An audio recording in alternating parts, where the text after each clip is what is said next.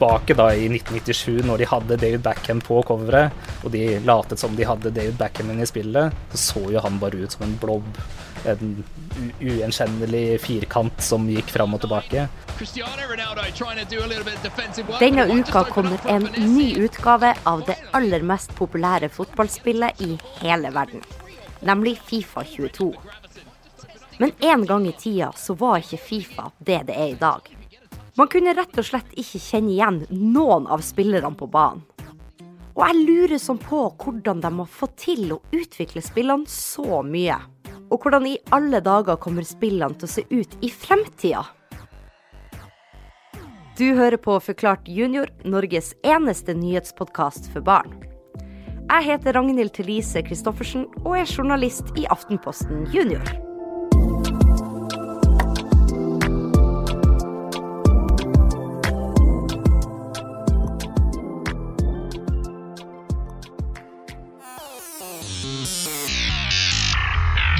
Første Fifa-spillet kom for 28 år siden. Så det begynner å bli ganske gammelt nå, så jeg kjenner historien rundt Fifa fra da. Og teknologien de har brukt da, for å komme fram til der de er i dag. Det her er Daniel Johansen. Og jeg er avdelingsingeniør for spillskolen for Høgskolen i Innlandet. Det vil si at Daniel bl.a. har som jobb å ha ansvar for teknologi og utstyr, sånn at alle lærerne kan gjøre jobben sin så bra som mulig. Men han kan også mange andre ting, som faktisk å lage spill. Jeg har jo vært eh, profesjonell spillutvikler selv eh, før jeg fikk den jobben her i seks år, så jeg har jo vært innom det meste som er i Norge av spillutvikling.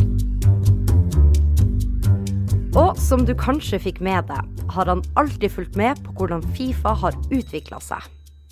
Og nå skal vi gå gjennom noe av det viktigste som har skjedd med spillet. Det som er det aller kuleste, er at den utviklinga vi skal lære om nå, gjelder veldig mange spill som har vært laga i mange år. Så vi starter for 28 år sia. Da det aller første Fifa-spillet kom, da var det faktisk laga i 2D. Eller todimensjonalt, som det egentlig heter.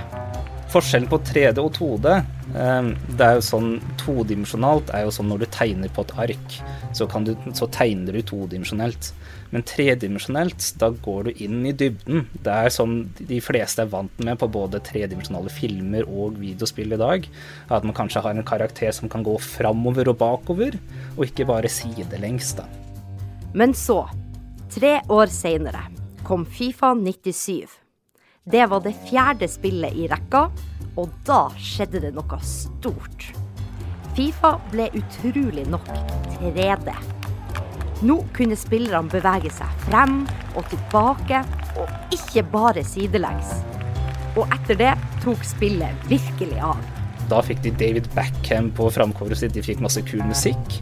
Eh, men fra 1997 eh, opp til rundt 2016 så bare brukte de hvert år på å oppgradere og gjøre små forbedringer, få ned nye spillere. Jeg kan huske første gangen jeg spilte Fifa. Det var Fifa 06. Det 13. i rekka.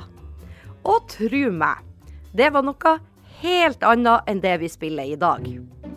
De sa at Manchester United-helten Wayne Rooney var med i spillet. Og noen ganger så det ut som han, og andre ganger så alle spillerne helt like ut. Og ikke var jeg noe god i Fifa heller, men det er en helt annen sak. OK, OK. Nei, nei, nei, nei, nei, nei! nei. Men hvis du hørte, så nevnte Daniel året 2016. Og det er en grunn til at 2016, som var for fem år siden, er et viktig år. Og det handler om en helt spesiell motor. Nei da, ikke en bilmotor, men en spillmotor. Det er noe som er kjempeviktig for alle spill. Men vi kan faktisk sammenligne en spillmotor litt med en bilmotor. Eller hva, Daniel? en spillmotor kan du se på eh, på den samme måten for spill som en bil. Eh, det har ikke noe å si om du oppgraderer rattet ditt eller får nye skinntrekk på bilen. Bilen blir ikke bedre for det, på samme måte som spill. Når man bytter ut en spillmotor, så er det for at spillet skal bli bedre. på samme måten som bilen ville blitt bedre hvis den fikk en ny og sterkere motor. Som gjør at den kan bli få mye høyere kvalitet. Det kan se penere ut, og det kan kjøre på nye konsoller og på sterkere PC-er. Nye ting, for så vidt. Med en ny motor så kommer det nye, fete ting. Det er fordi dem som lager spillene, må bygge spillet helt på nytt. Og da kan de legge til nye ting som den gamle spillmotoren hadde vært for dårlig og gammel til å gjøre. I dagens teknologi så tar, tar vi som regel å oppdatere spill. Men da, da, er det på samme måte som bilen, at du liksom du bytter ut rattet, ikke sant. Kan, men når du bytter en spillmotor, så må du på en måte lage hele spillet fra bunnen av. Eh, og da får du ofte alle disse nye tingene da, som du ikke fikk før. Jo bedre spillmotor, jo nyere og kulere spill. Og nå har de jobbet hardt med den nye spillmotoren som de fikk i 2016. Og de har forbedret og forbedret og forbedret og forbedret uh, hvert år, som de har gjort hvert år. Og all jobben som har vært lagt inn hvert år så lenge spillet har kommet ut, er ganske kult. Jeg vil trekke frem spesielt to ting. Det første er noe som kalles motion tracking, eller bevegelsessporing. Motion tracking er rett og slett at de har tatt utstyr på fotballspillerne og tatt opp bevegelsen sånn som de har gjort. Sånn at det overføres til spillet, så det ser mye mer riktig ut. Og så er det AI, Artificial Intelligence, eller det som heter på norsk kunstig intelligens. Det kan kort forklares som at noe som egentlig ikke kan tenke sjøl, som en datamaskin, er programmert sånn at den nesten kan tenke litt sjøl. Alle bevegelsene til spillerne som er tatt opp, kan datamaskinen nå styre. Fordi at når du spiller Fifa, så spiller du vanligvis bare én spiller om gangen. Og så det, har du f.eks. ti andre spillere på, som går rundt av seg selv. Da. Og det er den, denne kunstige intelligensen som styrer alle disse her. Etter konkurranse skal vi høre hva en på Fifa-landslaget syns har vært den største forskjellen siden han begynte å spille. Da håper jeg alle sammen er klar for ukas konkurranse.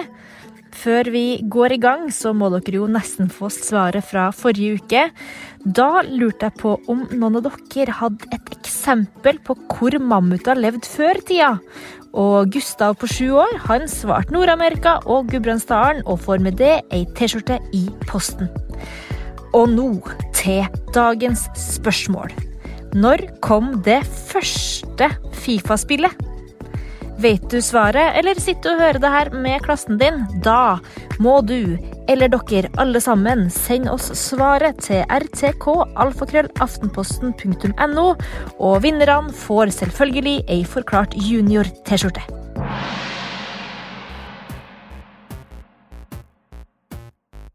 Helt siden Fifa 09 så har det jo vært veldig store forbedringer i grafikken. Og det er nok det som skiller seg mest ut. Du har liksom, hvis du går tilbake på Fifa 09-gameplay nå, så ser du at det er helt annerledes, og det ser ut som måte, noen piksler. da. Mens uh, det er nok grafikken som har vært uh, størst siden Fifa 09. Det der var Fifa-landslagsspiller Magnus Myrhaug Kristiansen. Og han er helt enig med Daniel om at grafikken, altså hvordan spillet ser ut, er den største forskjellen på Fifa.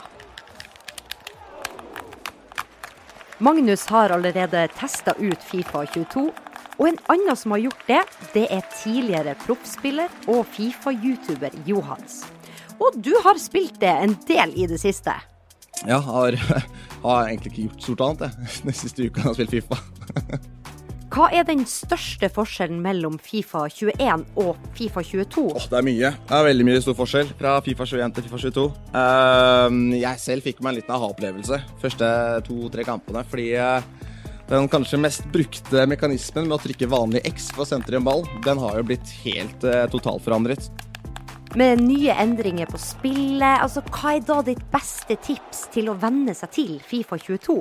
Det som på en måte kanskje er den beste tipsa mine for å tilpasse seg Fifa 22 fortest mulig og på en måte bli god på det, det er jo rett og slett å se på proffspillere som streamer på enten Twitch eller YouTube. Se mye på innhold på YouTube, for da får du mer en forståelse sett litt utenfra på hva som faktisk er bra.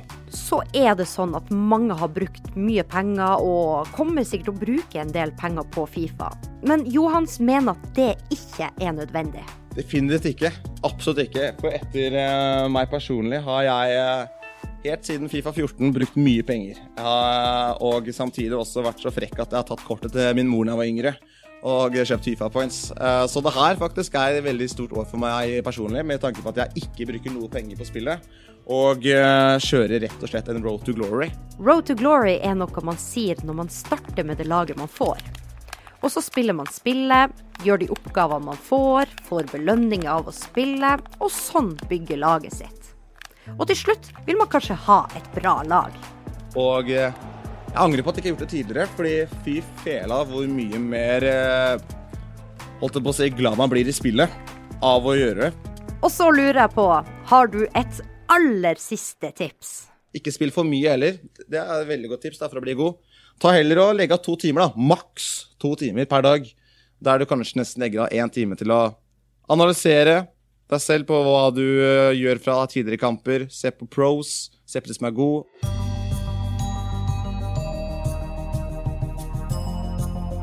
Spill i fremtiden er eh, en kjempekul eh, idé, fordi vi har alltid drømt om ting før i tiden. og i framtiden så kommer vi til å ha flyvende biler, vi kommer til å tenke bare, og så kommer det til å skje ting. Og det er det vi holder på med å komme oss til. Har du noen eksempler på noe kult som jobbes med, Daniel? Bare i dag, det mest populære VR-spillet, bruker jo ikke kontroller engang. Vi bruker bare hendene våre til, uten kontrollere med fingertracking. Så vi holder ikke en kontroll, men bare peker og klyper og tar på ting i løse luften, og det fungerer. Så man kan faktisk ta på seg noen VR-briller. Altså sånne briller som gjør at det ser ut som du står midt i spillet. Og ingen kontroller. Kun fingre. Sykt. Jeg regner med du har et uh, kult eksempel til. Vi eh, på spillskolen nå driver og forsker på eh, hjernebølgeheadset. Og det er også noen som du tar på deg, og så trenger du bare å tenke på ting, og så skjer det. Eh, Nå er vi i starten av disse teknologiene, og i framtiden så kommer alt det her bare til å bli bedre og bedre og bedre. Jeg tror jeg må si kult for fjerde gang denne episoden. Og det som er enda kulere, ja, der sa jeg det for femte gang, det er hvor viktig jobben spillutviklere gjør for all annen teknologi vi bruker hver dag. Grunnen til at vi har en smarttelefon i dag, grunnen til at vi har bedre TV-er og bedre skjermer, er ofte fordi at spillteknologien har drevet det fram, da. Og det kan brukes til så mange andre ting også. I så mange andre områder enn bare spill. Enten om det er på helse, utdanning, eh, bare generelt IT. Så muligheten der er mange og store. Kanskje du vil spille f.eks. Fifa og leve av å lage video av det? Jobbe med det som er sportutøver? Eller kanskje være med på å utvikle fremtidas Fifa? Det er så mange muligheter. Men det som er sikkert, er at det kommer mye kult i fremtida. Ja, der sa jeg det for sjette gang.